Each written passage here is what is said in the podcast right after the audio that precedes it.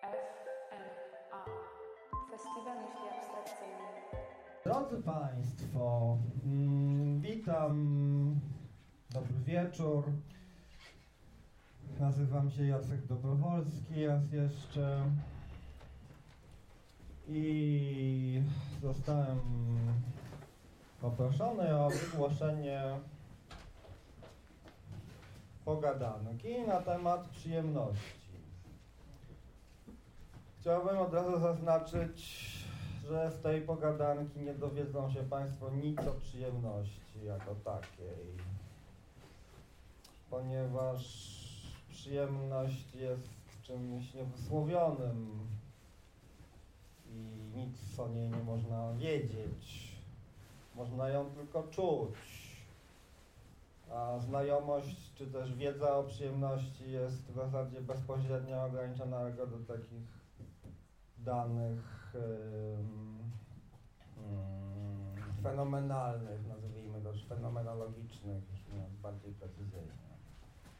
Tak więc o samej przyjemności nic Wam powiedzieć nie mogę nic się o niej nie dowiecie, lepiej jeśli chcecie od razu się jej oddać, wtedy będziecie wiedzieć więcej. Chociaż oczywiście nic więcej nie będziecie wiedzieć, bowiem oddawanie się przyjemności nie poucza nas o niej w żadnym stopniu. Jedynie o tym, że jest ona czymś trudnym do uchwycenia, generalnie ulotnym, kapryśnym, efemerycznym, trudnym do opisania, zdefiniowania, a nawet do takiego planowanego odczucia. To znaczy, gdy sobie planujemy, że będziemy sobie jakieś przyjemności sprawiać, to one zwykle wtedy są to zaplanowane, są naj, takie najbardziej rozrzedzone, także najtrudniejsze tak do odczucia, aż do tego stopnia, że czasami w ogóle nic nie czujemy właśnie wtedy, kiedy mieliśmy najbardziej to czuć. Nie zawsze tak jest, ale tak bywa. W tym sensie przyjemność jest czymś totalnie ulotnym, takim pozbawionym w zasadzie substancji, konkretności jakiejś, poza właśnie tą czysto fenomenalną konkretnością jej przeżywania, która może oczywiście być bardzo intensywna. I wtedy nie mamy żadnej wątpliwości, co to jest i że to przeżywamy. Poza tym próba opisania, czym jest przyjemność komuś, kto na przykład jest, nie wiem, pozbawiony zdolności jej odczuwania całkowicie, byłaby zupełnie pozbawiona sensu. Wyobraźcie sobie taki eksperyment myślowy. To jak, myśl, jak, mówić ślep, ze ślepym o kolorach, coś w tym rodzaju jak w przysłowiu. Niemniej właśnie ta jednak e, jej intensywna obecność momentalna i ulotna, lecz jednak e, niezaprzeczalna i niepowątpiewalna sprawia, że staje się ona pewnym dobrem. Jest ona pewnym dobrem, i jako takie dobro, jako taka, podlega ona rozmaitym etycznym rozmyślaniom i także ćwiczeniom i no, rozmaitym praktykom i tak dalej. Jest ona istotnym tematem etyki, moralności, obyczajowości również w szerszym sensie, nie tylko teoretycznym, ale również właśnie jest to kwestia pewnych obyczajów z tym związanych i tak dalej.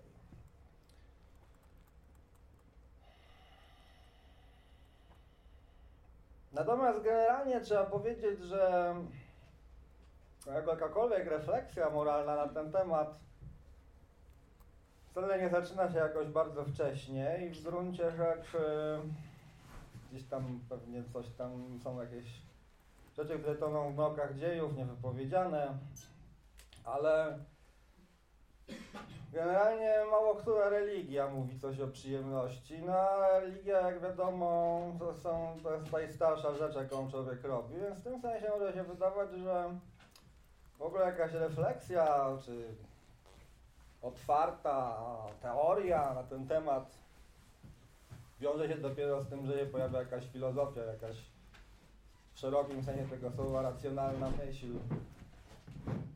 w tym sensie przynajmniej racjonalna, że nie tradycjonalna, nie związana z religią bezpośrednio, tylko jakoś tam prowadzona przez jakieś oddane temu tej teorii jednostki. No tak się składa, że jednostki w starożytnej Grecji się pojawiła gromada takich jednostek i niektóre z nich y, zajęły się tym tematem. Tematem przyjemności jako dobra właśnie i i tego, jak to dobro należy właściwie plasować w hierarchii dóbr. Bo to jest właściwie zasadnicze pytanie tutaj. Jeżeli jest, nikt się chyba nie, nie, nie, nie kłóci o to, że jest ona dobrem, to jest w zasadzie mało kontrowersyjna sprawa, że jest dobrem. Jest chyba skrajni, skrajni, może asceci uznaliby ją za zło jako takie. No tacy też byli oczywiście. Może nie w starożytnej Grecji to, to nie była jakaś szczególnie tam rozpowszechniona myśl, ale um, oczywiście jeżeli coś na przykład nazwiemy najmniejszym z dóbr, to to też już jest jakieś zło. Więc rodzaj zła. Więc w tym sensie przyjemność to jest taki temat zapalny, bo mniej więcej gdzieś tak w czasach sofistów, czyli w czasach też Sokratesa um, pojawiła się taka myśl, że może jest tak, że ponieważ wszystkie dobra są w zasadzie względne totalnie um, i w gruncie rzeczy wątpliwe, to być może najmniej wątpliwym dobrem jest właśnie ta intensywność, którą się odczuwa dzięki przyjemności. Być może ona jest największym z dóbr. No i tutaj zaczyna się taka długa, długa wojna, proszę Państwa. Oto wybucha pewna wojna, filozoficzna wojna. Ale ona ma też swoje praktyczne konsekwencje dla ludzkiego życia i dla kultury w ogóle. Bo um, rzeczony już Sokrates e, jego, a zwłaszcza przede wszystkim jego uczeń Platon oni byli takimi poszukiwaczami, mówiąc w pewnym skrócie i uproszczeniu, może poszukiwaczami tego, co wieczne, trwałe, niezmienne, absolutne. Łatwo zauważyć, że jest to dokładne przeciwieństwo przyjemności, która jest niewieczna, zawsze względna, zawsze, zawsze nietrwała, zawsze też nieczysta w pewnym sensie. Mało jest zupełnie czystych, doskonałych przyjemności. No, dokładne przeciwieństwo tego, co lubił Sokrates, a zwłaszcza Platon. I to ten Sokrates, którego Platon tam też później wymyślił, nie będę wchodził w te szczegóły, bo Państwo znają pewnie skądinąd, jak to tam się miał jeden do drugiego. W każdym razie można powiedzieć, że to byli tacy um, w ramach tego, że w ogóle, jeszcze mówiąc tak ogólnie i bardziej tak nawiasem trochę i tak bardziej ogólnie, Generalnie to wszyscy Grecy byli tak zwanymi eudaimonistami, ci filozofowie Grecy byli tak zwanymi eudaimonistami generalnie wszyscy. Eudaimonista to jest taki ktoś, kto uważa, że największe dobro to szczęście. Pytanie tylko, jak mówi sam Arystoteles, to jest nieomal cytat z Arystotelesa, tylko co kto uważa za szczęście, to jest pytanie właśnie. Jedni za szczęście uważają to, drudzy tamto. Także w tym sensie Sokrates nie był kimś, kto nie uważał, że szczęście jest ważne w życiu. On jak najbardziej uważał, że szczęście jest najważniejsze. Tylko, że on miał taką swoistą doktrynę szczęścia. Trochę ten Platon, jego uczeń, to zadykalizował prawdopodobnie w jakiś sposób, ale uczynił też Sokratesa takiego pierwszego herolda. Można powiedzieć, że to byli tacy, no jak to nazwać, to byli tacy po prostu antyhedoniści Sokrates, a zwłaszcza Platon, w pewnym sensie to, jeśli Państwo czytali Państwo, Państwo Platona, to jeżeli nie czytali, to możecie przeczytać pod tym kątem na przykład, to między innymi jest taka w gruncie rzeczy gigantyczna, gigantyczna teoria tego, dlaczego przyjemność nie, da, nie jest szczęściem. Dlatego, dlaczego ci, którzy uważają przyjemność za szczęście albo za drogę do szczęścia, to mylą się, błądzą głęboko, są najwięksi wręcz właśnie wrogowie ludzkości nieomal. Ym, no to właśnie to jest taki, nazwijmy to się roboczo, nie ma jakiejś, to nie jest jakaś ukuta nazwa w historii filozofii, ale dla naszych potrzeb możemy to nazwać antyhedonizmem właśnie, czyli takim takim radykalnym ujęciem właśnie takim wychodzącym, nawiasem mówiąc to wszystko, co przed chwilą powiedziałem o, o, o przyjemności, że jest ulotna, nietrwała, względna itd., tak itd., tak kapryśna, to też między innymi jest dokładnie to, co tam Platon, czy coś Sokrates platoński dokładnie tam wywodzi w tych dialogach, dlaczego to właśnie, dlaczego to właśnie w pewnym sensie jest zło. Bo to jest największy z pozorów przecież. Przyjemność to jest pozór, zwłaszcza taka przyjemność zmysłowa. To w ogóle nie czyni człowieka w żaden sposób cnotliwym, ani w żaden sposób szczęśliwym, tylko unieszczęśliwia jeżeli zwłaszcza on się na tym skoncentruje, to jest to najprostsza droga do nieszczęścia. Tak? Jedyna droga do szczęścia to cnota, to sprawiedliwość, to jakiś tam rozsądek, tego typu rzeczy, to właśnie to, co najbardziej lubi Sokrates, ale na pewno nieprzyjemność. Yy, Platon do tego stopnia się antyhedonistą, że gdzieś tam w niektórych miejscach wręcz wprost odpowiadał, że najgorszy jest w ogóle śmiech, sen to też w ogóle jak najmniej należy spać w ogóle w życiu. Spanie jest złem, śmiech nie jest, nie, nie należy polecać mędrcowi śmiechu, a już zwłaszcza wybuchy śmiechu, to totalnie nie wypada mędrcowi. No seks to wiadomo, co Platon o seksie twierdził. Wszyscy to wiemy. Dwie, trzy największe przyjemności życia, seks, śmiech i sen. Yy, jedzenia też jakoś bardzo nie polecał, nie był jakimś wielkim smakoszem i tak dalej. Więc to był taki po prostu asceta. Nie jakiś asceta taki radykalny w jakimś takim sensie, który nam się wiąże, nie wiem, z Indiami i z tamtejszymi praktykami, takimi radykalnymi praktykami umartwiania się. On się nie umartwiał w żaden sposób. Nie uczy, jak się umartwia. Nie chodzi o tego rodzaju prostu on generalnie uważał, że nieprzyjemność jest drogą do, do szczęścia w życiu, do, do sprawiedliwości. Dlatego się sprawiedliwość, właśnie uczciwość, te sprawy. No i właśnie dowodzi tego, że właśnie człowiek uczciwy jest naprawdę szczęśliwy, a ten hedonista godzący, goniący za przyjemnościami to jest właśnie niewolnik tak naprawdę tych przyjemności, w gruncie rzeczy najniższy z ludzi, po prostu najgorszy, po prostu najgorszy z ludzi. Nie zasługujący na żadną litość. Na pewno w państwie Platona by nie było miejsca dla takich, takich goniących za przyjemnościami hedonistów. No i to jest bardzo ciekawe, się, jaki to ma kontekst teraz. Mówię, miałem, miało być o przyjemności, ja wam mówię oczywiście o Platonie jak zwykle. Yy, więc nie o to chodzi, żeby o Platonie zbyt długo mówić, ale się to Platon właśnie rozpętał tę wojnę. Chodzi o to, że rówieśnikiem Platona, tak mniej więcej był niejaki Arystyp. On też był uczniem Sokratesa. E, no wiadomo, że jak się jest uczniem jednego nauczyciela, no to się nie lubi nawzajem, prawda? Jak się ma jednego mistrza, to tam są zawsze tarcia wewnętrzne. Podobno Arystyp miał taki obyczaj, że on e, jako ten uczeń Sokratesa też już zaczął szybko zarabiać na tym pieniądze, jako ten jego bezpośredni słuchacz, na tych drugich słuchaczy z drugiej ręki, którzy płacili. Za to, ale on miał właśnie takie szlachetne intencje, zarabiał na tym i przynosił ten, te pieniądze Sokratesowi. E, dawał mu na życie. Podobno kiedyś mu przyniósł za dużo, to Sokrates się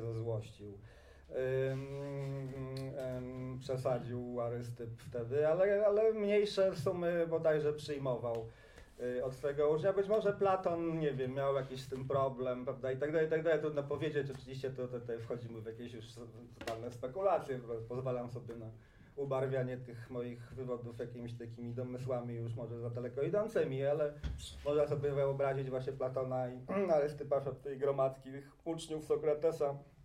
No więc Arystyp yy, yy, był założycielem takiej zwanej szkoły Cyrenajków.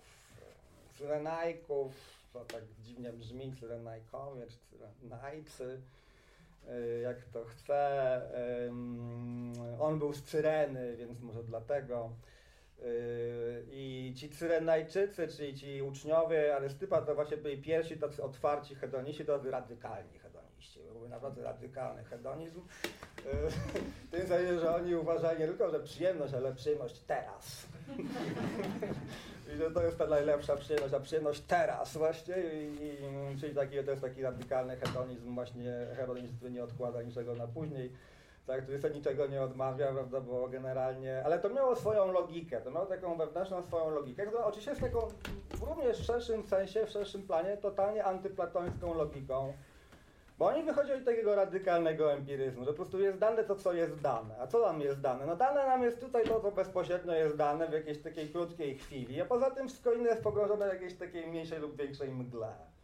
Także naprawdę, tak naprawdę pewne i w miarę dokładnie nam bezpośrednio znane jest tylko to, co bezpośrednio widzimy, czujemy, odczuwamy, przeżywamy. Wszystko inne jest jakby mniej warte, wszystko inne jest abstrakcją tak naprawdę. W związku z czym chapmy, prawda, to teraz jak, jak najbardziej się da, bo tylko ono jest konkretem, jedynym. Tak, to jest totalne przeciwieństwo Platona, który jak powiadam, już mówiłem Państwu, rozwiniemy to teraz jeszcze, oczywiście Platon oczywiście nienawidził E, nienawidził czasu, prawda, nienawidził w ogóle wszystkich rzeczy przemijających, miał i za złe to, że przemijają. E, generalnie tak gardził rzeczami przemijającymi. E, moja też taka prywatna trochę teoria jest taka, że on po prostu się zachłysnął matematyką w młodym wieku i uznał, że po prostu najlepsze rzeczy to są tak jak w matematyce, to wieczne, tak, wszystko istnieje wiecznie, się nie zmienia nic. Tak, liczba pi na zawsze będzie liczbą pi nikt jej tego nie odbierze i właśnie to jest najwspanialsze, to jest boskie, prawda? To jest, to. I gdybyśmy znaleźli jakieś takie jakości, które tak jak ta liczba pi by była jakieś dobro, jakieś piękno, takie jak pi. I on właśnie całe życie tego szukał, tego piękna, tego dobra, tej sprawiedliwości, te byłyby tak doskonale sobą, jak właśnie pi jest sobą.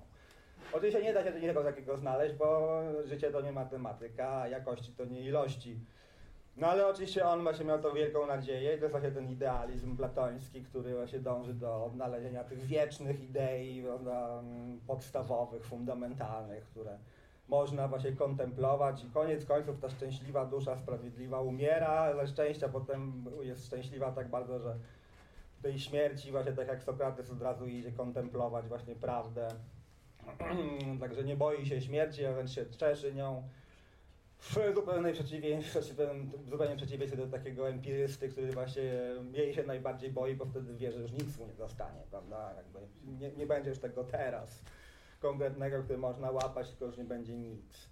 I to jest dla niego podstawowa różnica. Właśnie dla Platona nie jest żadna różnica między tym teraz przemijającym, a tym nic, bo to teraz za chwilę będzie niczym przecież, prawda? Więc co za różnica?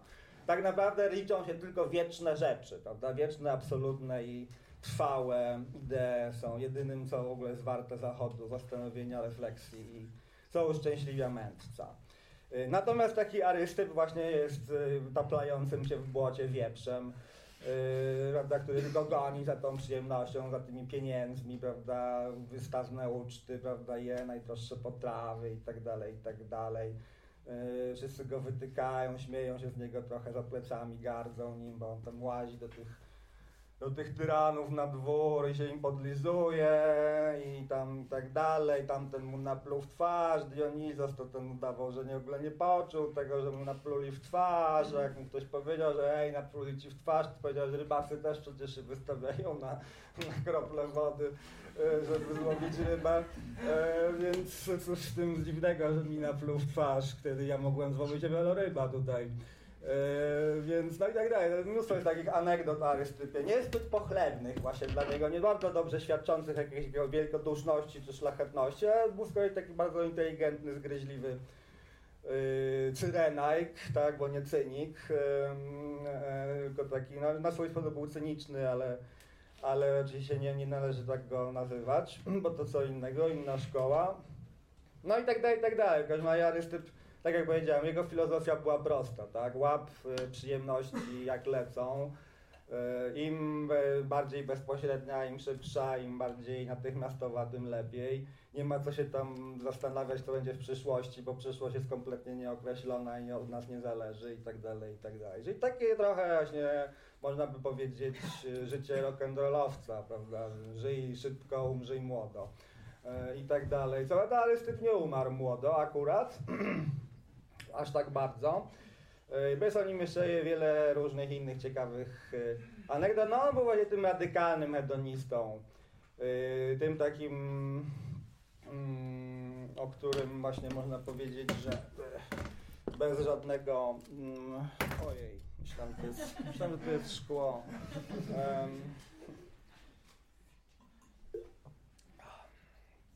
No i tak jak powiedziałem, myślę, że trochę też patrząc na ale Stypa Platon właśnie szedł swoją drogą jakby odbijał od niego i ten jego antyhedonizm nie jest taki zupełnie, zupełnie bez, jakby, znaczy może jest lepiej właśnie zrozumiały w tym kontekście, y, że on by chciał, że on chciał być takim antyarystypem, tak. Y, oczywiście to jest y, na tyle niepoprawne powiedziane, że arystyp jakby w historii filozofii jest nikim, a Platon jest wszystkim, więc w tym sensie, w tej rywalizacji arystyp nie ma żadnych szans.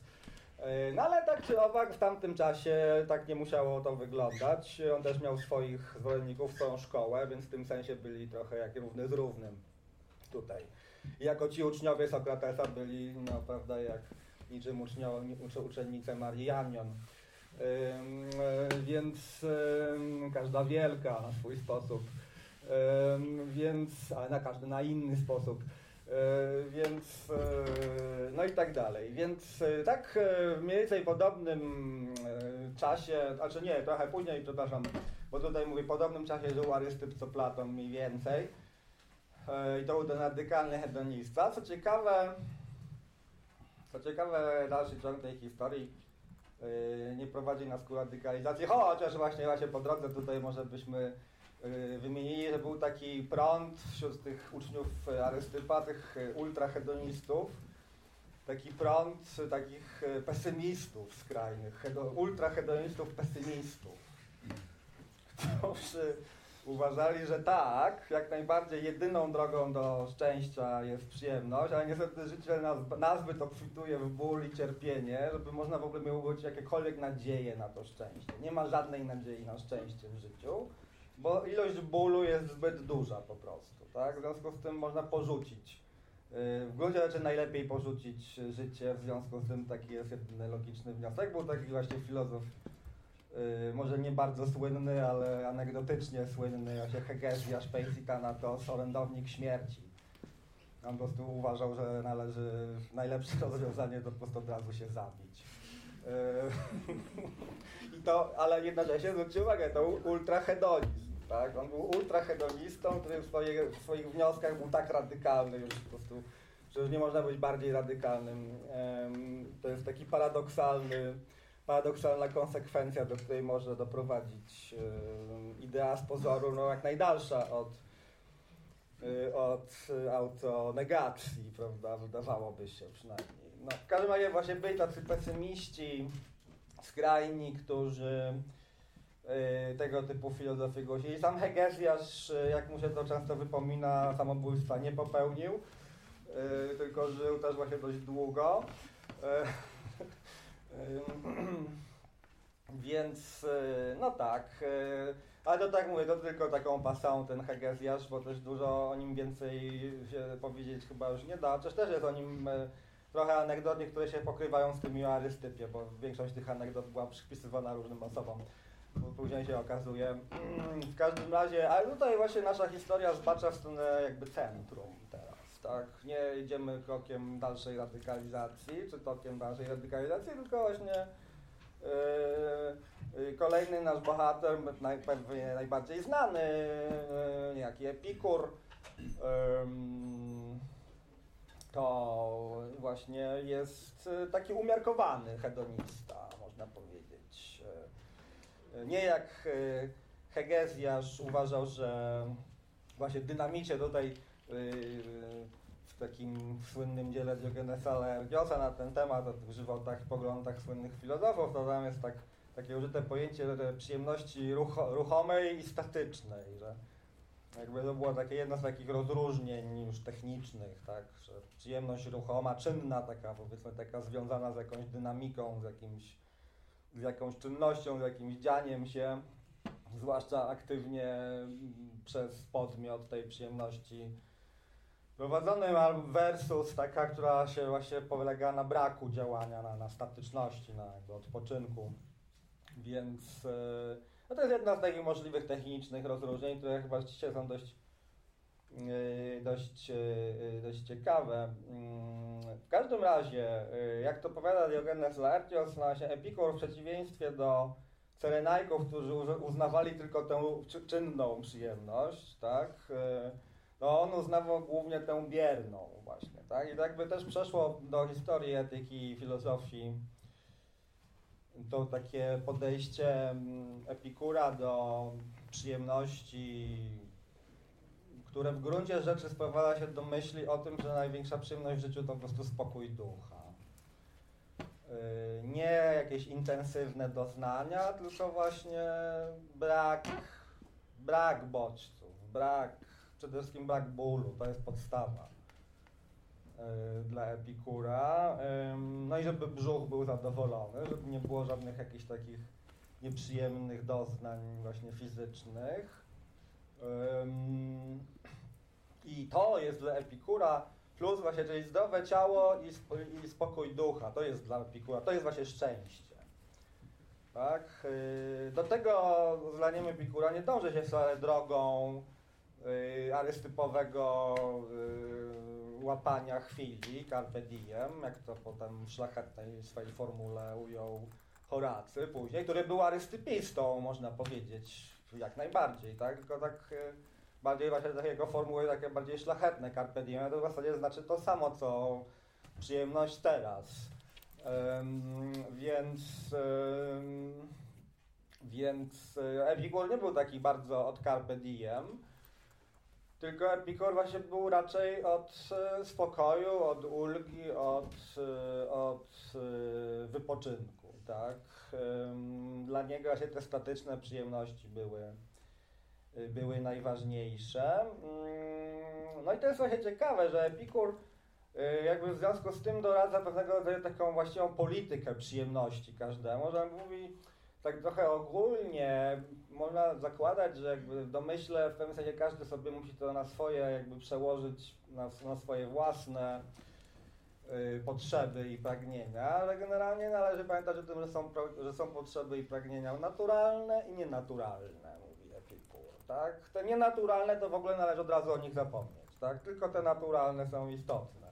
On nie mówi, które są które, tylko w pewnym sensie właśnie tym Menoikeusie, bo to w liście do, tak zwanym liście do Menoikeusa to pisze, więc ten Menoikeus to jakiś młodzieniec, ja się pytał Epikura jak żyć, więc ona się mówi, że tutaj Menaukesie, ja się pamiętaj, że są, że są pragnienia naturalne i nienaturalne. Tak? W pewnym sensie właśnie zostawia to tobie do rozstrzygnięcia, które są dla ciebie naturalne. Można tak to rozumieć, tak? On nie mówi konkretnie, te, te, te i te są nienaturalne, tylko tak ogólnie, tak aluzyjnie jedynie, tak? Pamiętaj o tym, że tutaj właśnie to się wiąże, tutaj są przyjemności, które wiążą się z dużym bólem. Później następującym, tak? Tych należy unikać i tak dalej, i tak dalej. Więc jakby najważniejsze, najlepsze przyjemności to są te, które nie przynoszą żadnego bólu w ostatecznym rozrachunku. Yy, czyli mało jest takich yy, w gruncie rzeczy przyjemności także tak, yy, jak się tak czyta tego Epikura, człowiek ma wrażenie, że w zasadzie Epikur doradza, że najlepsze, najprzyjemniejsze życie to jest życie o chlebie i wodzie. Bo w zasadzie każda, każda komplikacja, każda zbyt odchodząca od maksymalnej prostoty rzecz yy, jest zbędna. Tak? Także być może Epikur oczywiście był takim filozofem klasy średniej, dzisiaj to jest, co się nazywa, nie wiem, to, to jest ten skandynawski styl, prawda? Minimalizm. Taki hedonizm minimalistyczny, tak? Nie chodzi o to, żeby się umartwiać, ale jednak generalnie nie powinno stać zbyt wiele gratów e, w pokoju, bo to nie jest hygge. E, więc, więc Epikur to było takie jak greckie hygge trochę. Em, przy czym oczywiście wiadomo, że przy okazji jeszcze nawiasem mówiąc, e, to ma też swój wymiar polityczny, tak? Epikur generalnie uważał, że w ogóle nie należy się wdawać w jakiekolwiek polityki, tylko siedzieć u siebie w ogródku i grillować. Tak? Więc to był taki lemming typowy, właśnie klasa średnia, właśnie typowy wyborca koalicji obywatelskiej, więc, e, więc e, właśnie grill, prawda, ciepła woda w kranie i oby nam się tutaj tylko do naszego ogródka nie mieszała jakaś polityka. Yy, Więc trzeba siedzieć w ogródku, a się z przyjaciółmi, pić yy, dobrze rozcieńczone wino, to jest właśnie szczęście, to jest właśnie ideał, to jest dobro dla Epikura. Tym sensie Epikur był tak zwanym idiotą. Yy, Idioci to byli ci, którzy nie, nie, ustronili od życia publicznego. Dla takich Greków, którzy w tym uczestniczyli. Dla wielu z nich to była po prostu treść życia, tak? E, Więc ci, którzy to odrzucali, to byli właśnie dla nich idioci. Mm, e, A czyli idiota, czyli ten, kto się zajmuje czymś innym, tak? Czymś swoim, właśnie idios i tak dalej, a nie czymś wspólnym. E, Więc to nie było takie zupełnie negatywne, tak jak dzisiaj ta konotacja słowa idiota jest już zdecydowanie nieprzyjemna, ale warto być idiotą może ym, epikurejskim. Y, Jest to na pewno jakaś filozofia, jakieś, jakieś wyjście, no zwłaszcza jeżeli się ma ten ogródek y, już, prawda, i nie trzeba się za bardzo starać, żeby, żeby go zdobyć, bo to co innego. Jeżeli się go ma, no to jest ideał. Więc to jest właśnie idealna filozofia, epikureizm też nie. Ale inna rzecz, że Epikur się inspirował Karola Marksa, który napisał o nim, napisał o nim, napisał o nim pracę. Yy, jedną z wczesnych swoich. Yy, więc, yy, więc to nie jest tak, że Epikur był też materialistą oczywiście. Bo już żeby zakończyć ten wątek trochę, yy, tak jak powiedziałem na początku, hedonizm, tak zresztą praktycznie każdy pogląd filozoficzny nie idzie, nie jest jakimś tam odizolowanym przekonaniem niezwiązanym z niczym innym albo samym w sobie i dla siebie, tylko logicznie powiązanym z szeregiem innych przekonań. Zwykle, czy też w najbardziej oczywisty sposób właśnie hedonizm idzie w parze z empiryzmem, materializmem, relatywizmem też często i tym podobnymi izmami. Natomiast zwykle idealiści, pryncypialiści, um, kto tam jeszcze, no, no i tym podobni, to generalnie przyjemności raczej się nie cenią wysoko. Także wysoka ocena przyjemności jako dobra i stawianie tego dobra wysoko w hierarchii dobra, albo wręcz najwyżej, bo to jest właśnie hedonizm, do najwyżej stawiamy. Przyjemność to jest, generalnie idzie w parze się z takim bardziej materialistycznym światopoglądem, który też co za tym idzie empirystycznie odrzuca jakieś takie metafizyczne byty, które uwielbiał właśnie Platon, tak, i wszyscy Platono, cały ten platoński rodek, który z tego się tam wywodzi do dziś. Yy, więc yy, no tak, także to był rozdział pierwszy. Nie wiem, czy mam Państwo ochotę na dalszy ciąg. Jeśli nie, no to możemy zakończyć oczywiście na tym, ale ta historia ma swój dalszy ciąg. Yy, bo tak jak powiedziałem, to była ten, ten Platon powiedział tę wojnę hedonistom, więc ta wojna hedonizmu z antyhedonizmem, czy też yy, żeby nie używać jakichś takich zupełnie nieznanych słów, czy nie mało używanych, z ascetyzmem, tak? Ale pamiętajmy, nie chodzi o taki ascetyzm w sensie praktyk, yy, niekoniecznie chodzi o taki ascetyzm w sensie jakichś praktyk umartwieniowych, tylko ascetyzm jako przekonanie, że przyjemność jest nieistotna, nic nie warta i że jest blis, bliska, że jest tak małym dobrem, że jest wręcz złem.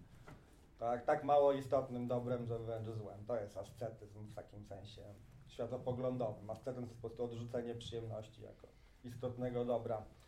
Czyli właśnie antyhedonizm. Więc ta wojna wcale w starożytności się nie skończyła, tylko trwała nadal, tylko że można powiedzieć, że wraz z nadejściem chrześcijaństwa jakby było już pozamiatane. Yy, że chrześcijaństwo zdecydowanie nie jest religią przyjemności, yy, jak Państwo, jak łatwo zauważyć. Yy, wręcz przeciwnie, jest to religia cierpienia religia, która, w której cierpienie gra no, w pewnym sensie fundamentalną, najistotniejszą być może rolę. No, trudno sobie w ogóle wyobrazić chrześcijaństwo bez, bez cierpienia, prawda, bez męki, męki Jezusa Chrystusa na krzyżu. Mm, trudno sobie to w jakikolwiek sposób kojarzyć z przyjemnością, czy hedonizmem, czy, czy wysoką waloryzacją przyjemności. Poza tym oczywiście filozoficznie chrześcijaństwo bardzo wiele zawdzięcza Platonowi.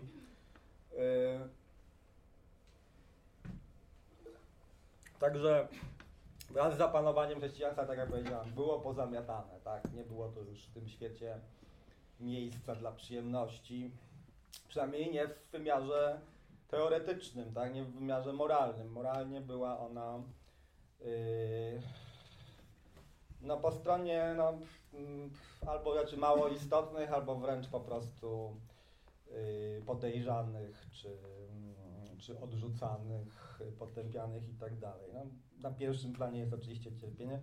Istotą chrześcijaństwa jest właśnie w pewnym sensie właśnie taka anty, bo pamiętajmy też, że hedonizm wiąże się oczywiście również z logicznie z niego wynikającym przekonaniem, że cierpienie nie ma żadnego sensu. Tak, to jest też, pamiętajmy o tym istotnym kontekście, co też oznacza hedonizm. Po prostu jeżeli przyjemność jest najwyższym dobrem, no to to, to cierpienie jest najwyższym złem. Tak? Dlatego właśnie hedonizm dla chrześcijaństwa jest największym wrogiem. I w tym sensie chrześcijaństwo otwarcie jakby zwalczało hedonizm jako po prostu no, błędny, błędny światopogląd. Generalnie od właśnie to wtedy właśnie słowo epikureizm nabrało bardzo negatywnych konsekwencji, których być może dzisiaj aż tak dobrze nie słyszymy, ale ja sam mam taki jeszcze stary słownik języka polskiego, w którym jest o epikur małą literą. To jest rzeczownik pospolity i właśnie to oznacza no, takiego rozwiązłego hulakę, po nie, nieodpowiedzialnego y, i swawolnego hulakę, tak jak najbardziej negatywny termin.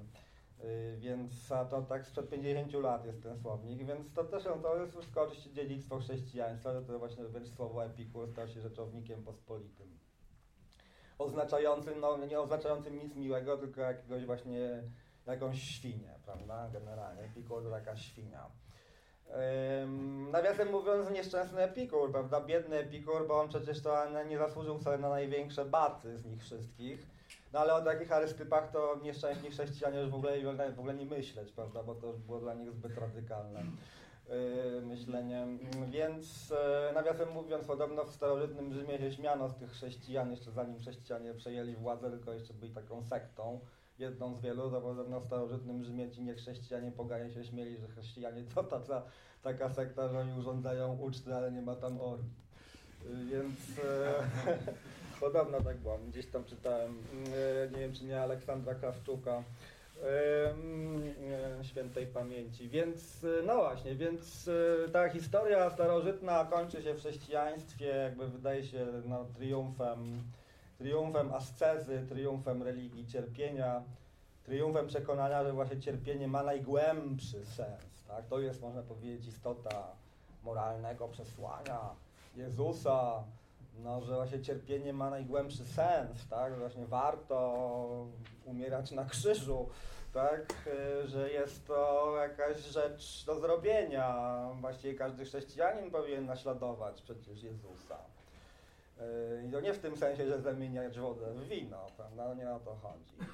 Mm, więc, chociaż może i o to też, ale nie w pierwszym rzędzie na pewno. Więc Wydaje się, że wraz oczywiście z triumfem chrześcijaństwa wszystko się kończy, ale e, historia ma dalszy ciąg i może ostatnia rzecz, e, jaką chciałem tutaj, że ostatni rozdział, rozdział drugi i ostatni, e, czy też może trzeci już, mm, to byłaby właśnie ta nowożytna rewitalizacja hedonizmu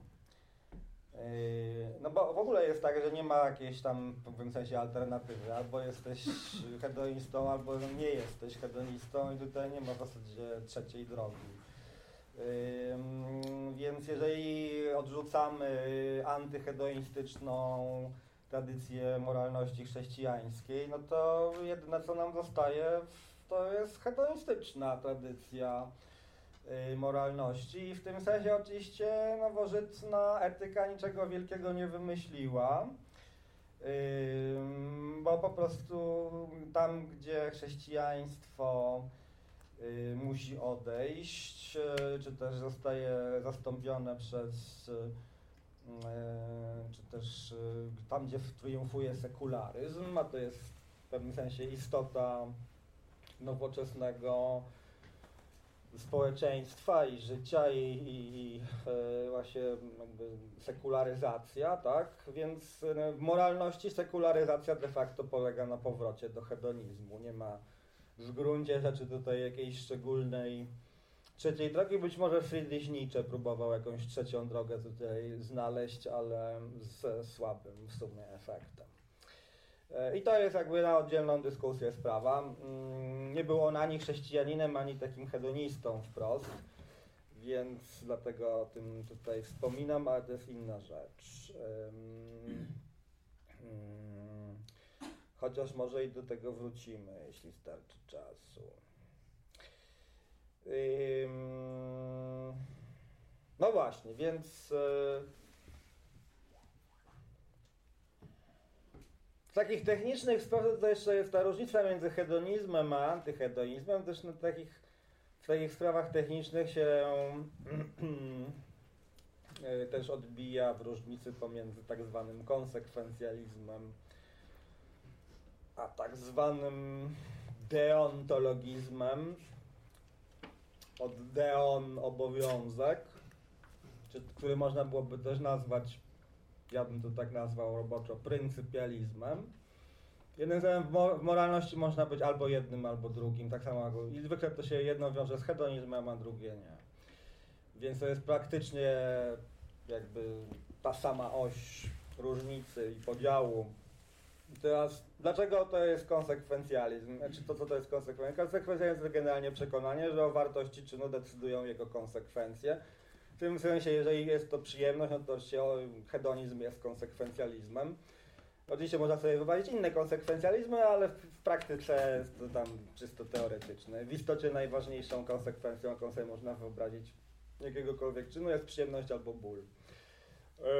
W takich oczywiście konsekwencji istotnych moralnie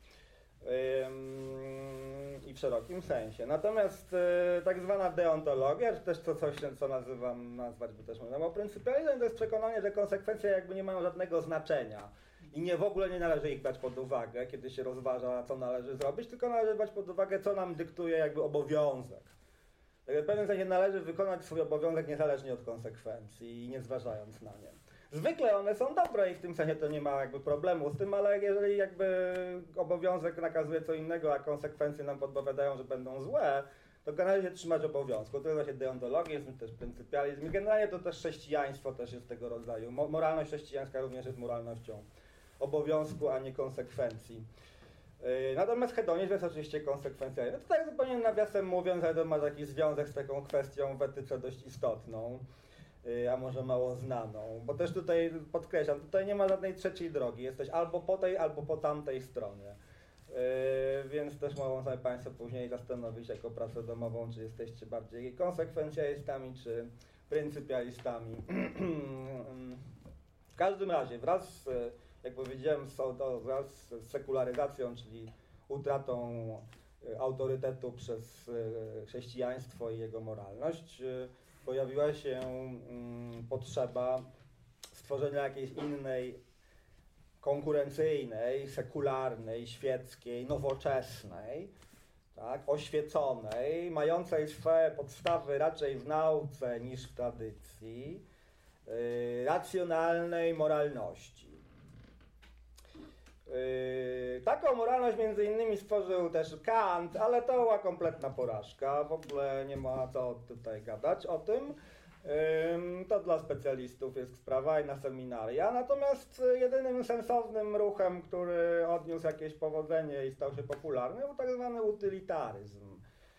Utylitaryzm, proszę Państwa, też jest hedonizmem. Utylitaryzm jest właśnie etyką szczęścia opartą na zasadzie, że szczęście to jest po prostu przyjemność, czy też zwyczajnie suma przyjemności i że przyjemność jest generalnie tym, czego należy, do czego należy dążyć i czego należy wzmagać i powiększać, a mm, nieprzyjemność, ból, cierpienie jest tym, co należy umniejszać, Y, zapobiegać temu i robić wszystko, żeby tego było jak najmniej. Taka jest generalna zasada y, utylitaryzmu. To się tym różni jedynie od starożytnego, starożytnego hedonizmu, że y, nie jest to adresowane wprost do jednostki, tylko utylitaryzm jest taką bardziej społeczną, bardziej popularną, demokratyczną filozofią dla wszystkich i o wszystkich gdzie właśnie jak najwięcej szczęścia dla jak największej liczby to jest właśnie to, do czego powinno dążyć i społeczeństwo jako takie, i jednostka, i społeczeństwo, i państwo. To w zasadzie taka uniwersalna formuła dla wszystkich instytucji, dla wszystkich podmiotów nowoczesnego życia. Do tego należy właśnie dążyć. To jest właśnie właściwa definicja dobra wspólnego. Więcej szczęścia dla większej liczby, w tym zawiera się logicznie mniej bólu, mniej cierpienia i tak dalej, i tak dalej. No i tutaj ta historia się kończy. W tym sensie ona się kończy, że utylitaryzm, czy nam się to podoba, czy nie, czy wiemy o tym, czy o tym nie wiemy, czy nazywamy to tak, czy nie nazywamy, czy słyszymy to słowo po raz pierwszy, czy po raz milionowy w naszym życiu. Y, tak czy owak jest domyślną etyką, która rządzi większością wyborów y, współczesnych ludzi, mm, bo generalnie y, można tę formułę utylitarną przerobić na wiele różnych innych formuł, tak? Jakby jak największy zysk, jak najmniejszym kosztem i tak dalej, i tak dalej. Właściwie większość formuł, czy takich maksym, jakby powiedział rzeczony Kant, dzisiejszej, codziennej, powszechnej moralności, o ile nie wywodzi się po prostu wprost z tradycji, ale mało jest tak naprawdę ludzi, którzy zachowują wedle jakichś tradycyjnych wzorców moralnych. A jeżeli to jedynie w jakiś fragmentaryczny raczej chyba sposób, a nie, że konsekwentnie i integralnie, no to pewne są i tacy, ale to właśnie są chyba bardziej fundamentaliści po prostu. Kto nie jest fundamentalistą, jest w zasadzie mniej lub bardziej mniej lub bardziej utylitarystą w dzisiejszych czasach. Co o tyle może nie jest e, też i z drugiej strony jakimś wielkim zaskoczeniem, bo sam, sami twórcy utylitaryzmu, między innymi eksplicite e, e, niejaki John Stuart Mill, taki XIX-wieczny angielski filozof, pozytywista, skądinąd. Ten John Stuart Mill powiedział, że utylitaryzm nie tylko, że ma te wszystkie zalety, o których powiedzieliśmy, że jest świecki, e, zasadza się na naukowych, racjonalnych przesłankach dotyczących człowieka, jest uniwersalny, dba o wszystkich jednakowo, jest demokratyczny itd., tak itd., tak jest prosty e, w zastosowaniu.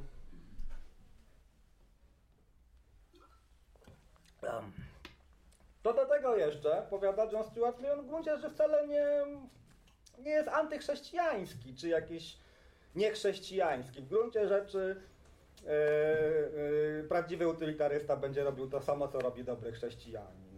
Będzie pomagał cierpiącym, bo przecież przede wszystkim trzeba umniejszać ból. To jest priorytet dla utylitarysty. Także dobry utylitarysta jest dokładnie taki sam jak dobry chrześcijanin. Taki jest tego morał, mimo że jest oczywiście hedonistą, bo zupełnie kieruje się zupełnie innymi przesłankami niż chrześcijanin. Tak? Chrześcijanin kieruje się przesłanką miłości bliźniego i tak dalej. E, a hedonista po prostu chce ulżyć e, drugiemu w bólu, bo być może jego samego to trochę boli. E, a nawet jeżeli jego to nie boli, to w każdym razie zmniejszenie bólu generalnie też jest jakimś dobrem dla, utylitarysty. Utylitarysta nie dba tylko o siebie, nie jest wcale egoistą. W pewnym sensie nawet można powiedzieć, że konsekwentny utylitarysta jest totalnym przeciwieństwem egoisty, bo przecież zawsze ważniejszy jest ból niż jakakolwiek pozytywna przyjemność, więc zawsze, zawsze prawdziwy utylitarysta powinien cały czas siedzieć w hospicjum, prawda? i, i, i pomagać, w, u, pomagać u, nieść ulgę tak, w cierpieniu. I to dokładnie by go niczym nie odróżniało prawda, od, od głęboko wierzącego prawda, i zaangażowanego chrześcijanina. W tym sensie oczywiście John Stuart Mill ma rację. To jest bardzo ciekawe, prawda, że wychodząc z zupełnie innych przesłanek można dojść do zupełnie takich samych i to całkiem radykalnych, prawda, pod względem swojej jakiejś takiej ostatecznej yy, nauki yy, wniosków. Nawiasem mówiąc, rzeczony Nietzsche to właśnie utylitaryzmowy miał najbardziej za złe, że to jest w gruncie czy dalszy ciąg chrześcijaństwa, tylko przebrany w inne maski. I że tak naprawdę to jest to samo. Wszystko. To, to się można oczywiście spierać. Na pewno utylitaryzm nie jest takim hedonizmem w stylu Arystypa, który każe nam rzucać się na, na przyjemności, bo to jest raczej coś, co może być takie późne społeczeństwo y, nowoczesne, czyli społeczeństwo konsumpcyjne, może to jest ostatni rozdział już chyba, nie wiem czy wiele warto o tym skądinąd też mówić. Yy, nawiasem mówiąc, na jak długo jest przewidziany ten... Halo, dziewczyny. Gdzie one poszły? Do której to miało być na Facebooku? Co jest napisane? Zobaczcie. Bo nie wiem, czy jeszcze mam pół godziny nawijać, czy już koniec. Kolejnego wydarzenia nie ma, więc Aha. Nie, nie, nie, ale ja też nie chcę nikogo tutaj trzymać y, pod pistoletem y, mojego, mojego dyskursu. Zresztą chyba powoli dochodzę do końca. Będzie jeszcze czas oczywiście na pytania od Państwa. Zawsze jest czas, nawiasem mówiąc. Na pytania od Państwa, więc żeby już to dokończyć, tak? W dziwny sposób pokazuje, że, że, że utylitaryzm w zasadzie nie jest jakimś takim arystypowym, yy, czy też nie prowadzi na pewno nas do życia rock'n'rollowca, yy, takiego właśnie w arystypowym stylu. Natomiast oczywiście ten rock'n'rollowiec też nie jest tylko przysłowiowy i symbolizuje prawda, jakąś taką postawę charakterystyczną dla społeczeństwa, no właśnie późnego społeczeństwa, nowoczesnego, y, gdzie kapitalizm przynajmniej w y, najbardziej zaawansowanych, y, a jednak dość licznych y, krajach y, najbogatszych y, y, świata mm, wytwarza tak wielki dobrobyt, że, y, no, że mówimy właśnie o konsumpcjonizmie, o zalewie, zalewie towarów i wszelkiego rodzaju dóbr. Yy, które tak naprawdę nie są nam, mówiąc po epikurejsku, wcale potrzebne, bo nie zaspokajają żadnych naszych naturalnych potrzeb. Tak? Generalnie kapitalizm sam wytwarza potrzeby, które sam zaspokaja. Tak? Na tym y, od dawna już on polega, że trzeba wytworzyć nową potrzebę i potem ona dopiero tworzy rynek, prawda? i potem się ją zaspokaja i tak dalej, i tak dalej. Yy, totalnie antyepikurejskie podejście. Yy, ale być może Arystypowi by się to podobało w jego pogoni za tymi bodźcami, prawda? A pewnie Arystypowi by się podobało w naszym świecie. Yy, na pewno, na pewno byłby na Instagramie yy, Arystyp yy, i na wszystkich innych mediach też yy, i był bardzo aktywny i rzucałby mnóstwo fotek o sobie i o tym, prawda, jak je, co je, jak płynie jachtem i tak dalej. Eee, więc Platon by cały czas tam tylko Platon by milczał, Platon miał milczący profil, więc tylko był taki wrr, dawał wrr cały czas Arystypowi. Eee, więc, y, no więc właśnie, więc y, właśnie już wychodzą pierwsze osoby, więc widzę, że nie ma co przedłużać. Tak, oczywiście. Rozumiem, że pan jeszcze... Jeszcze w połowie słowa, ale niech pan nie, zadaje. To ja zaczekam. Ja zaczekam, mam, mam pytanie. Mhm. No nic, chciałem tylko powiedzieć, że właśnie gdzieś e, u końca tej drogi sekularyzacji nowoczesności, w jej późnej fazie e, dobrobytu tak, i konsumpcji, mm, no w pewnym sensie właśnie padamy ofiarami takiej, e, może nie wy wszyscy, ale, ale bardzo wielu ludzi się zamienia w takich arystypów goniących y, prawda, za, cały czas za, przed, za przyjemnością chwili. Yy, a główną przyjemnością chwili są oczywiście kolejne produkty, prawda, które można kupić, yy, czy jakieś usługi, prawda, ewentualnie. No i wiadomo, że ten hiperkonsumpcyjny styl życia jednocześnie jest skrajnie energochłonny i, mm, no i prowadzi do, do pytania o to, czy tak dalej się da, prawda? I wiadomo, że się nie da. Nie, da, nie, nie jest ten, te, to tempo zużycia surowców, materiałów, y, paliw kopalnych i wszystkiego innego. y, No jest po prostu tak skrajne, że no dochodzimy do, do krawędzi wydolności systemu.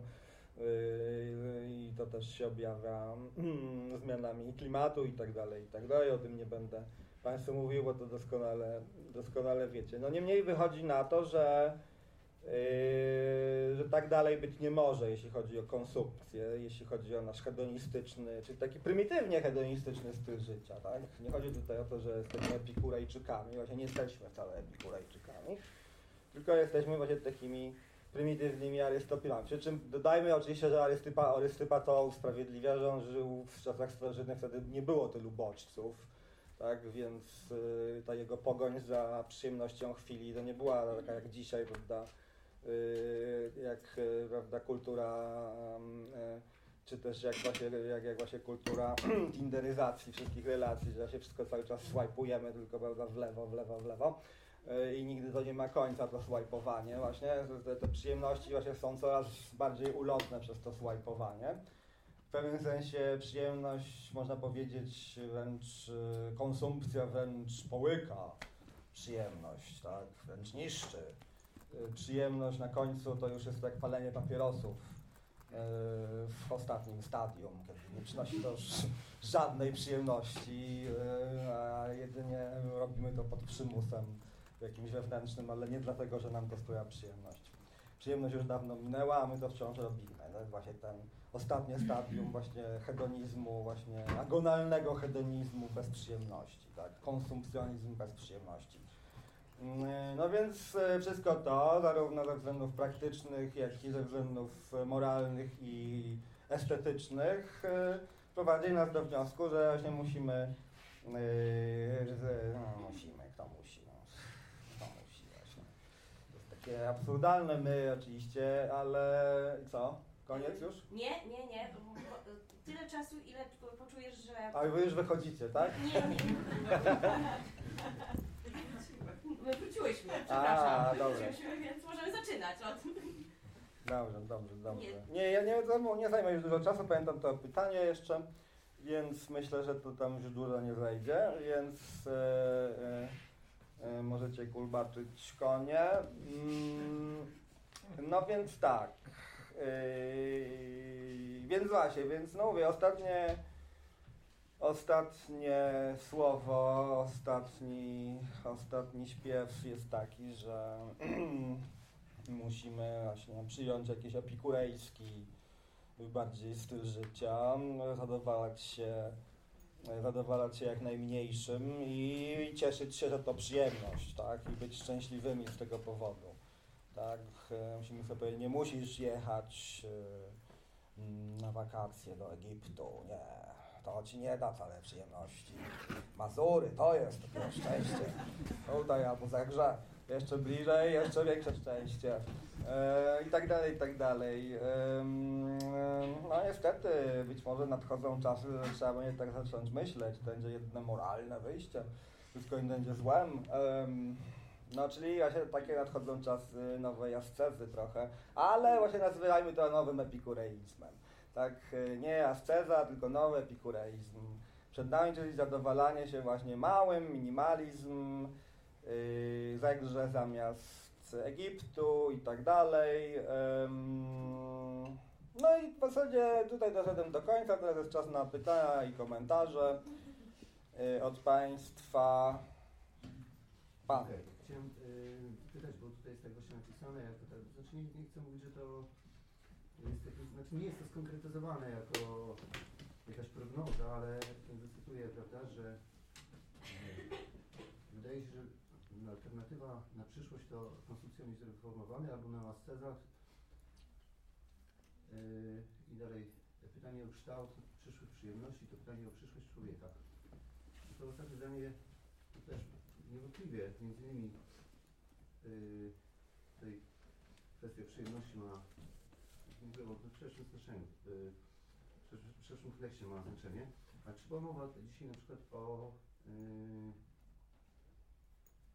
o tym, jak jest, yy, w ramach czego, w ramach jakiego projektu to przyszłe społeczeństwo, biorąc pod uwagę jego kondycję, ma zostać zorganizowane? Czy była mowa o tym? Chodzi mi o to, czy to znaczy krótko tylko, ja nie wiem, przyszedłem trochę w, y, w trakcie, prawda? Tylko, że ogólnie temat jest mi bliski i ogólnie też po prostu czy była mowa o tym, bo jest, istnieją projekty, prawda, takie, to jest konkretnie zorganizowane wobec tych wszystkich zjawisk, które są sugerowane medialnie. Ja nie będę teraz wnikał i kwestionował, tylko powiem, że one po prostu są sugerowane medialnie. One są podawane jako niezaprzeczalne, prawda, jako kwestie pewnej poprawności. Yy, nie można z nimi dyskutować, bo to jest piętnowane yy, i tak dalej, prawda. Zjawiska ogólnie takie yy, społeczno-ekonomiczne, prawda, kwestie klimatyczne różnego rodzaju, prawda. Mhm. one są po prostu sugerowane, forsowane, nie chcę tutaj wartościować na ten temat. Yy, to znaczy, a natomiast ich zbiór, prawda, on jest sformułowany w ramach pewnego projektu, który również wiąże się z taką reorganizacją yy, życia społecznego, prawda? I czy była o tym mowa w dzisiaj na przykład? Bo można mniemać, prawda, jak to będzie. do czego Nie, to nie było o tym mowy. Czy to Yy, jest A to zorganizowane dlatego, że jakby na, na inny temat rozmawialiśmy. Mhm. Yy, I gdyby yy, tematem było mm, organizacja społeczna, a etyka przyjemności na przykład i tak dalej, no to wtedy tak.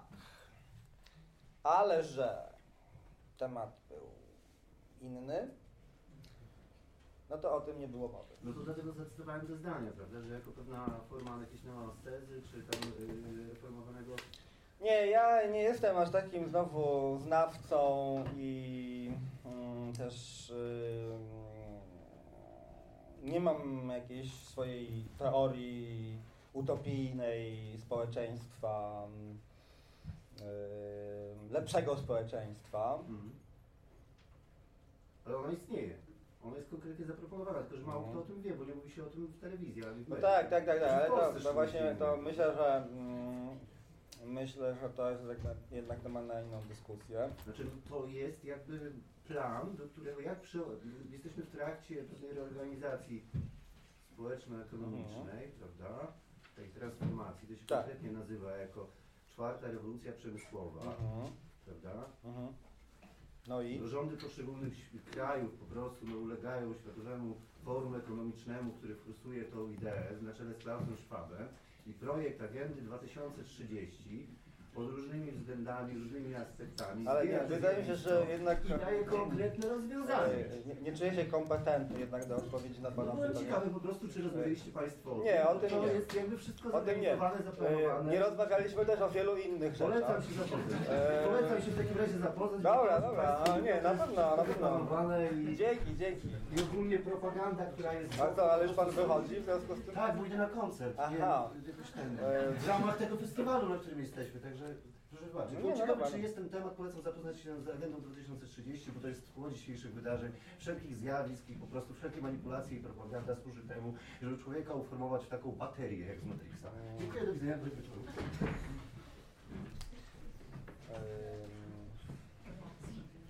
Pan chce coś sam powiedzieć. Ja chciałbym zapytać, No i Pan poszedł. E, Tak to bywa. Omawialiśmy współczesne ko- koncepcje, które dotyczą y, tendencji hedonistycznych. Pojawiły się też koncepcje, jak obecnie realizować epikureizm.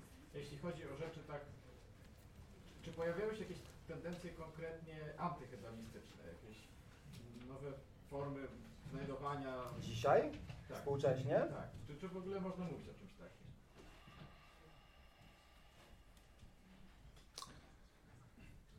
No,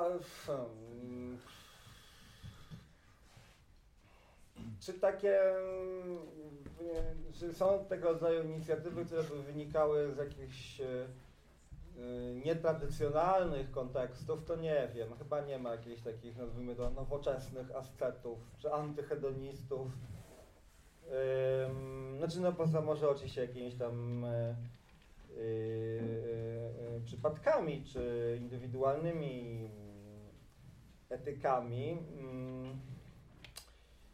Em, Oczywiście na swój sposób, ale to jest e, rzecz bardzo dyskusyjna. Yy, powiedziałem już o niczym, który jakby spróbował takiej trzeciej drogi, ani utytaryzm, ani chrześcijaństwo, to on uważał w zasadzie za jedno i to samo, tylko coś jeszcze innego, tak? Yy, yy, ale no właśnie w pewnym sensie jego nie można uznać ani za hedonistę, ani za antyhedonistę, bo on jakby zarówno był anty-antyhedonistą, jak i jak i hedonistą, jak i antyhedonistą, więc on miał różne na ten temat stanowiska. Natomiast na pewno przyjemność nie leży w centrum jego filozofii, to co do tego nie ma wątpliwości.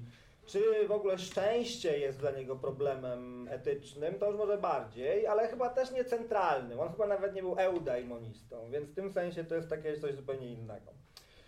Yy, Do pewnego stopnia być może, yy, co ciekawe właśnie, mm,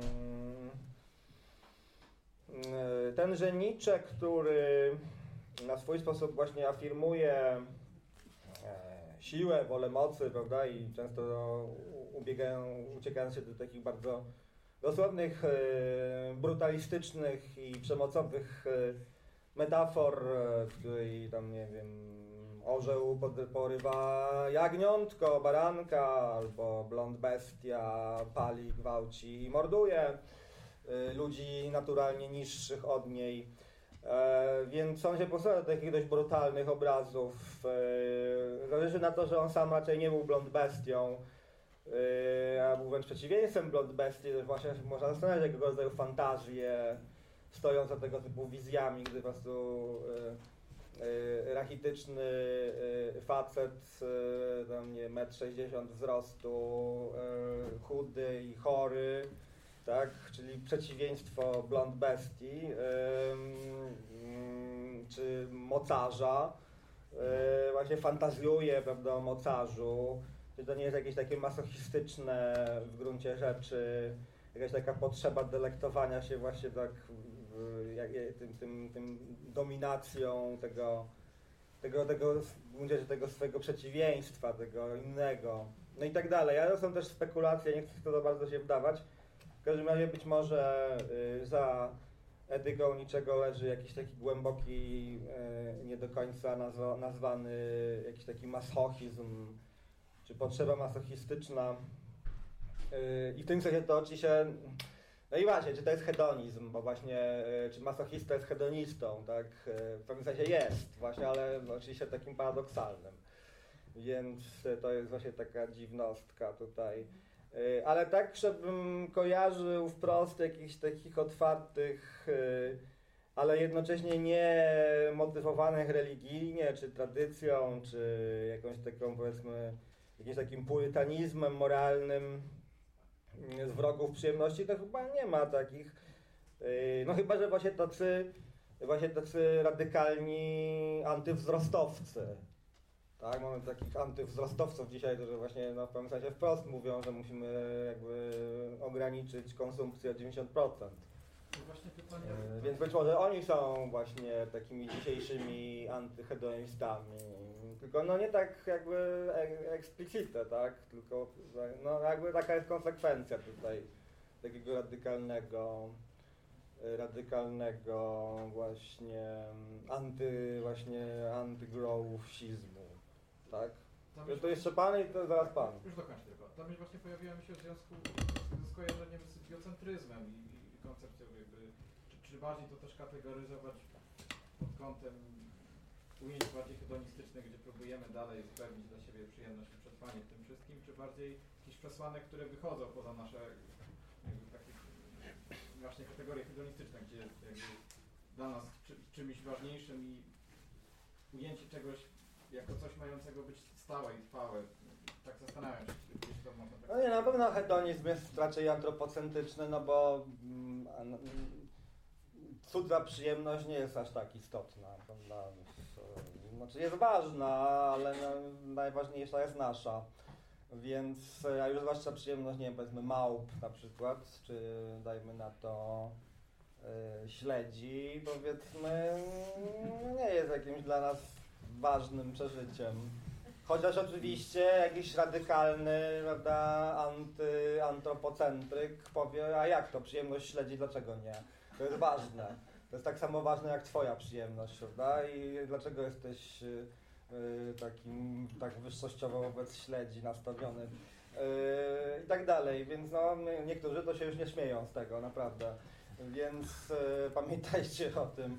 Yy, więc no tak, więc może to są tacy dzisiejsi właśnie neoasceci, antyhedoniści yy, mocni. Yy, no myślę, że za taką yy, takimi radykalnymi ruchami samoograniczenia mogą jakieś takie psychologiczne rzecz biorąc, jakieś takie intencje ascetyczne stać w sensie właśnie czerpania przyjem pewnej przyjemności właśnie. Tak, bo też yy, Pamiętajmy, że podstawowym zarzutem pod adresem ascetów jest to, że oni też czerpią przyjemność z tego, yy, z tej swojej ascezy, że to są tak naprawdę kryptohedoniści wszystko. Yy, bo tak naprawdę nie ma niehedonistów, są tylko hedoniści i kryptohedoniści. To jest taka teza takiego psychologicznego hedonizmu, także wszyscy ludzie są de facto hedonistami. Yy, Także być może na tym akurat to taka ładna puenta, więc ja być może na tym skończę. Jeśli Państwo nie mają pytań więcej, to, to ja też już nie mam więcej nic do powiedzenia. Mm. Yy, I dziękuję za uwagę, nie co przedłużać. Yy, Mam nadzieję, że bawiliście się w miarę dobrze mm, i no, do zobaczenia na następnym festiwalu. Na pewno tu będę, chyba że może coś się stanie, ale raczej nie zakładam, także za rok na pewno tu będę.